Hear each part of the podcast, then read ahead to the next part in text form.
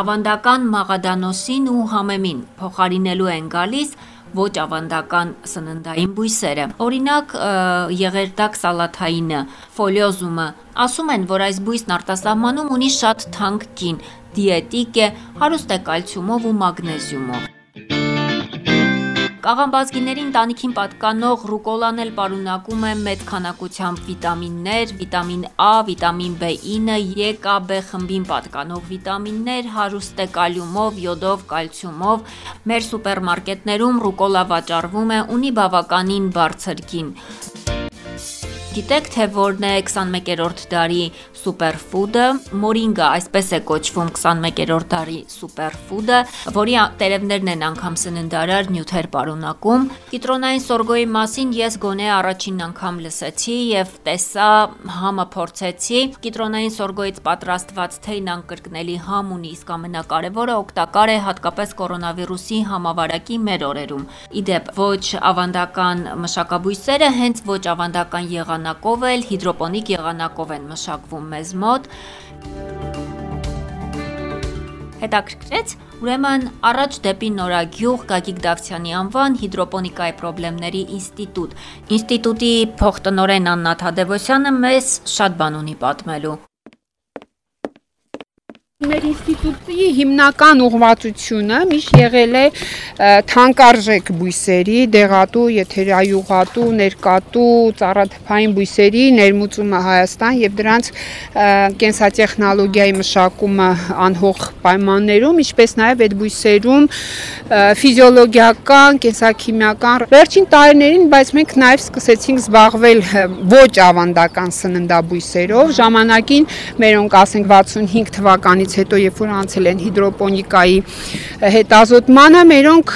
սննդային բույսեր բավականին շատ ներմուծել են հիդրոպոնիկա, պոմիդոր, վարունգ, սող, ինչ գիտեք, ինչ բանջարեղեն օգտագործում ենք, սող, կարտոֆիլ, գազար, ամեն ինչ: Բայց դրանից հետո,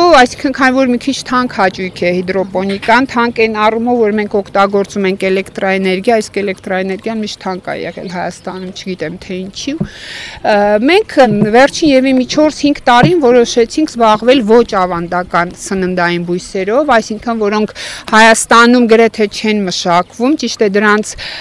դուրս բերելը շուկա բավականին երկար կտևի: Մեր ժողովուրդը ավանդապաշտ ժողովուրդ ա, սիրում ա իր համեմը, իր մաղադանոսը, դրանից ավել բան չի ուզում օգտագործել: Հիմա մենք ունենք, սա կոչվում է եղերդակ սալաթային: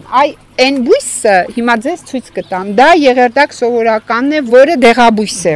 Արմատներում կա ինուլին, որը օգտագործվում է դիաբետիկ հիվանդների համար: Սա այդ բույսի նույն ցեղն է, բայց ուրիշ տարատեսակ, էլի ինծիբուսն է, բայց տարատեսակը կոչվում է ֆոլիոզում: Եղերդակ սալաթային: Ինքը այս մասը չի օգտագործվում, օգտագործվում ա ներսում լրիվ սպիտակ տերևիկներ են, այսինքն փոքրիկ կաղամբիկ ա այսպես, սպիտակ ու կարմիր գույնի: Ձեզ որը ցույց տամ, չեմ ուզում հանել, որովհետև պիտի մի հետազոտություն էլ անենք: Սա օրինակ ավարտված թեմա է, ասպիրանտի թեմա, որը արդեն պաշտպանել է ատենախոսությունը, ոսկեբեղիկն է: Դեղաբույս է, բայց ինքը պաշտոնապես ընդունված չէ, այսինքն ժողովրդական բժշկության մեջ են օգտագործում այս բույսը: Այստեղ ունենք ոչ ավանդական մշակաբույսերից, ռուսերեն ասում են արտիշոկ, հայերեն ասում են կանկուր: Ինքը տալիս է, չգիտեմ տեսել եք թե չէ, Հայաստանում էլի շատ քիչ է հանդիպում, այսպիսի փոքրիկ գլխիկներ է տալիս փշիկներով: Պետք է բռնել իր հասունացման պահը, որ այդ փշերը չդառնան սերմեր: Կտրում են, ես չեմ փորձել երբևիցե, փորձողներն ասում են, որ շատ համեղ Էն բանանի պատմություն եղավ, որ հորեղբորս տղան կերել ա բանան, մենք չենք կերել: Մի քանի գլուխ դաշտում ունեինք, ուղղակի մենք իրենց տարանք հետազոտության համար, չուզեցանք համտեսել: Անցնենք առաջ: Այստեղ տեսնում եք ռուկոլան: Մեր երկրում արդեն Հայաստանում բավականին մեծ տարածում ունի, ռեստորանները շատ են խնդրում, սա մշակովի սորտն է, չգիտեմ ինչի սա է ինձ ավելի շատ դուր գալիս, բայց ռեստորանները այն վայրինն են սիրում, որի տերևները կտրտված են ու ինքը բավականին դառն է: Համե՞ղ է: Կարող եք փորձել: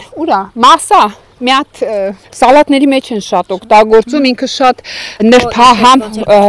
ռուկոլա, հայերեն ո՞նց էինք ասում ռուկոլային, հենց տենց։ Լատիներն ասում են arugula, rocket, տարբեր անուններ ունի։ Ինքը մի քիչ դառնոտ է լինելու, առանց վախենալու կարող եք փորձել։ Սալատների մեջ շատ նրբահամ ինքը համա տալիս։ Կարող եք կտրտել առանձին ուղակի սենց վրան լցնում են։ Սա մշակովին է, մի քիչ լավ միզունային կողմում եմ, հա, տեսնում։ Այս երկրորդ փորձն է, քանի որ այս բույսերը կարճ օրվա բույսեր են, ամռանը իրանք լավ չեն աճում։ Մենք աճեցնում ենք գարնանը եւ աշնանը։ Ամռանը ցանելու դեպքում միանգամից ծաղկասլակ են առաջացնում։ Եկեք այստեղ կտեսնեք ճապոնական կաղամբի մի տարատեսակ, որը կոչվում է միզունա այս այստեղ ավելի լավ բույսեր կա։ Այս բոլոր բույսերը շատ հարուստ են կալցիումով եւ մագնեզիումով։ Նրանք բոլորը դիետիկ բույսեր են, թաղանթանյութով հարուստ, այսինքն առողջ սննդի մաս են կազմում։ Անցած տարի մի քանի ռեստորանների հետ աշխատեցինք, մատակարելով միզունա, ռուկոլա, պակչոյ, կալե, կալե դաշտում ունենք, չէ՞։ Հա, մի խոսքով, հեսա, տեսեք ինքը շատ սիրուն բույս է դառնում եւ ունի եւ ռուկոլան եւ սա ունի մի առավելություն, որ բերքավակի ժամանակ բույսը չեն քանում, տերևներն են կտրատում, իսկ ինքը նորից շարունակում է աստիճանաբար աճել։ Ինքը թանկ է։ Դրսում հա 7-8 դոլար է այս միզունայի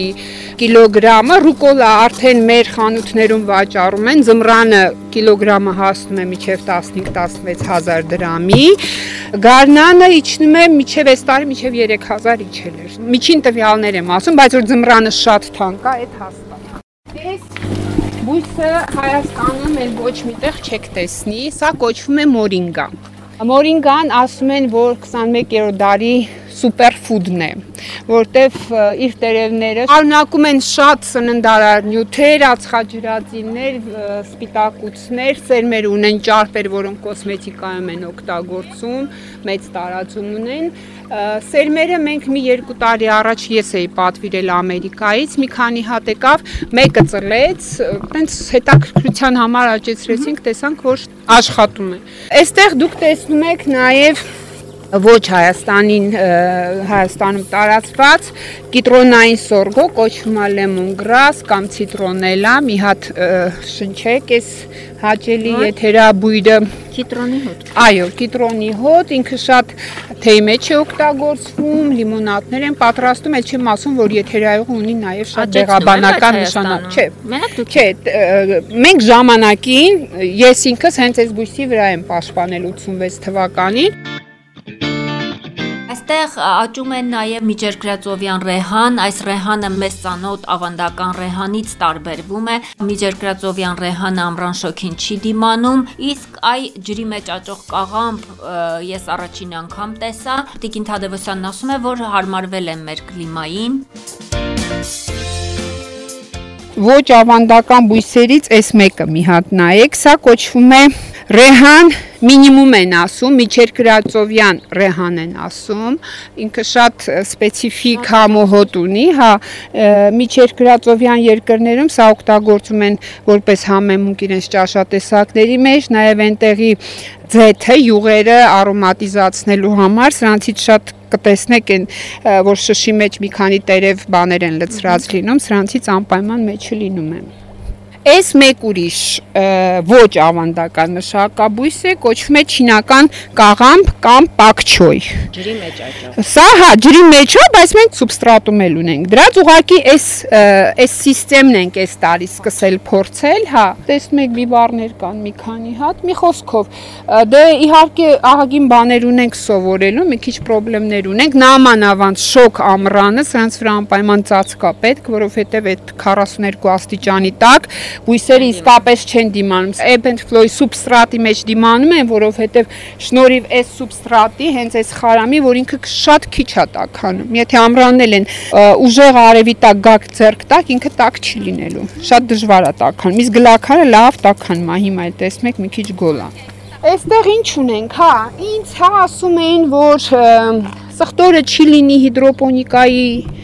պայմաններում եւ այլն եւ այլն ես էլ իմ բնավորությամբ մի քիչ սկզբունքային մարդ եմ ու կռիվ տվող ասեցի կլինի փորձենք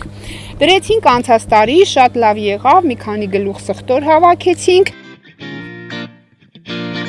Իսկ գիտեք, թե որ բույսից է առաջանում գարեջրի փրփուրը։ Գայլուկն է այդ բույսը, որը այս ինստիտուտում աճում է նորից ոչ ավանդական եղանակով։ Այդ կոներից հոտ քաշեք, սա գարեջրի արտադրության հիմնական բաղադրիչ մասերից մեկն է, առանց գայլուկի գարեջուր չի լինում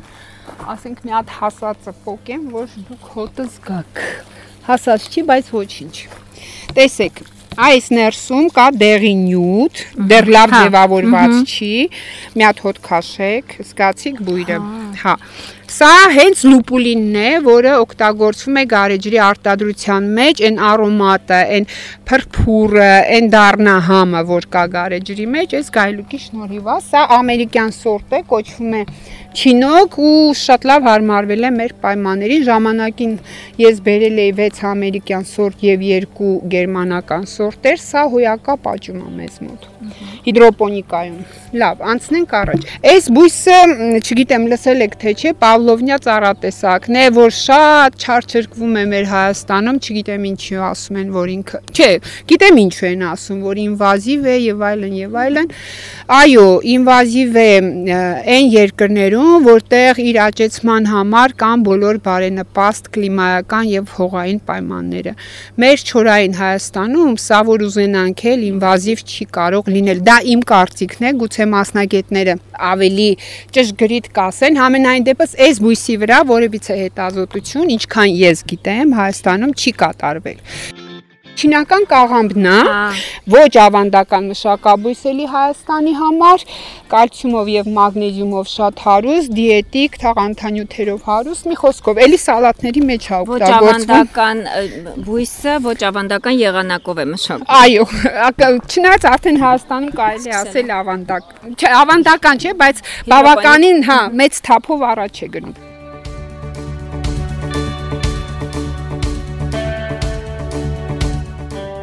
Փորձենք հասկանալ, թե ի վերջո ինչ է հիդրոպոնիկան եւ ինչով է տարբերվում մեզ արդեն ծանոթ ավանդական բույսերի մշակման եղանակից։ Հիդրոպոնիկայի համար ինչն է կարևոր։ Մի քանի կարևոր ցուցանիշ կա, որ մենք օգտագործում ենք սուբստրատ, հողի փոխարեն, այսինքն հող չենք օգտագործում։ Այդ սուբստրատները կարող են լինել տարբեր, զանազան տարբեր, օրգանականից սկսած միջև հանքային, սակայն մենք Հայաստանում գերադասում ենք օգտագործել այն սուբստրատը, որով հարուստ է մեր երկիրը։ Այսինքն դա հրաբխային խարամն է, որը հոյակապ սուբստրատ է հիդրոպոնիկայի համար, ինքը չի հողմահարվում, չի քայքայվում։ Այս սուբստրատը, որ դուք տեսնում եք, առնվազն երևի 60 տարվա պատմություն ունի։ Չգիտեմ, կարծեմ անի շրջանում կա այս խարամի եւ մեկ էլ եթե չեմ սխալվում, գավառում կա խարամի հանքեր։ Այս սուբստրատը ընդհանրապես չի հողմահարվում, չենք փոխել երբևիցե։ Ուղակի կատարում ենք չէ ինքը ոնց կա, ուղղակի ամեն վեգետացիայի սկզբին սուբստրատը հանվում է, եթե բազմամյա չի կուլտուրան, հանվում է, լվացվում է, ախտահանվում է, նորից լցվում է այս անոթների մեջ ու ինքը օգտագործվում է։ Այսինքն սա ընդհանրապես փոխելու կարիք չկա։ Եթե ասենք օրգանական, չգիտեմ, կոկոփիտը պետքա փոխել ամեն տարի, որտեղ հիվանդությունների մեծ զարգացում կարող է լինել, բռնկում սրա փոխելու իմաստը չկա։ Եթե բույսերն աճում են ոչ ավանդական եղանակով, ենթադրում եմ, որ ջրելու process-ը նույնպես ոչ ավանդական եղանակով է կատարվում։ Բավականին հետաքրքիր է այս եղանակը։ Ես ինքս կդժվարանամ պատմել, թե ինչպես է տեղի ունենում, որովհետև տերմինները չգիտեմ, parzapes առաջին անգամ եմ տեսնում, բայց Տիկին Թադևոսյանը շատ լավ գիտի, թե ինչպես է կատարվում ջրելու process-ը։ Սնդալուծույթը ավազանից պոմպի օգնությամբ բարձրանում է վերև, երբ որ հասնում է որոշակի մակարդակի, պոմպը անջատվում է, նորից սնդալուծույթը լցվում է ավազանի մեջ, այսինքն ջրի կորուս չենք ունենում, ունենում ենք միայն գոլորշիացման տեսքով, երբ որ շատ ուժեղ արև է, սուբստրատի մակերեսից տեղի է ունենում գոլորշիացում ու մենք այն շատ ուժեղ արև օրերին մի քիչ փոս ենք անում, որ ջուրը տեսնենք ուր է հասել, չենք թողնում բարձրանա մակերեսի, լես անջատելու ժամանակն է։ Եվ այսպես ամբողջ ընթացքում եւ պատմում էր եւ ցուցումներ էր տալիս։ Գիտական կենտրոնի բակը մաքուր է, ծառերը միշտ խնամված են, Գագիկ Դավթյանի անվան հիդրոպոնիկայի խնդիրների ինստիտուտը 1966 թվականից է որպես ինստիտուտ գործում, մինչ այդ եղել է ագրոքիմիայի լաբորատորիա։ Խորհրդային տարիներից հետո ամեն բան գրեթե նույնն է մնացել։ Պատուհանները, կահույքը, շենքի առաջին հարկում գործող նոր ժամանակների մասին հուշում են միայն ստենտները, տարբեր մրցույթների ու համաժողովների մասնակցության հավաստագրերն ու շնորհակալագրերը։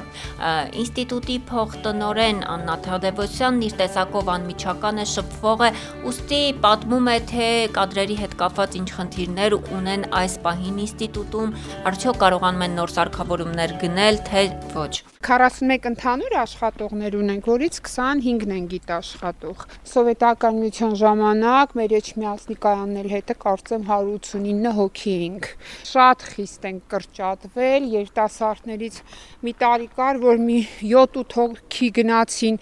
Հունաստան վերապատրաստվելու, նրանցից մեկը վերադարձավ, թե երկուսը, հետո էլի իրենք թողեցին գնացին, որտեղ այն ֆինանսավորում ինչ որ ստանում են երիտասարդ գիտաշխատողները, անհնար է առաջ խաղացի մասին մտածել նորագույն սարքավորումներ չունենք, որոնցով կարելի է կատարել հետազոտություններ ու դրանք հետագայում տպագրել, որովհետև ցանկացած նորմալ ամսագիր անպայման ուշադրություն է դարձնում այն հետազոտական մեթոդներին եւ այն սարքերին, ինչ դու օգտագործում ես այդուհանդերձ հին սարքավորումներով, քիչ ռեսուրսներով նրանք նոր արժեք, իսկ որ այս դեպքում ավելի բնորոշ է, ապրանք ստանում են։ Ձեզ հետ Հասմիկ Դիլանյանն էր ու Վերկաց ոդքասթը։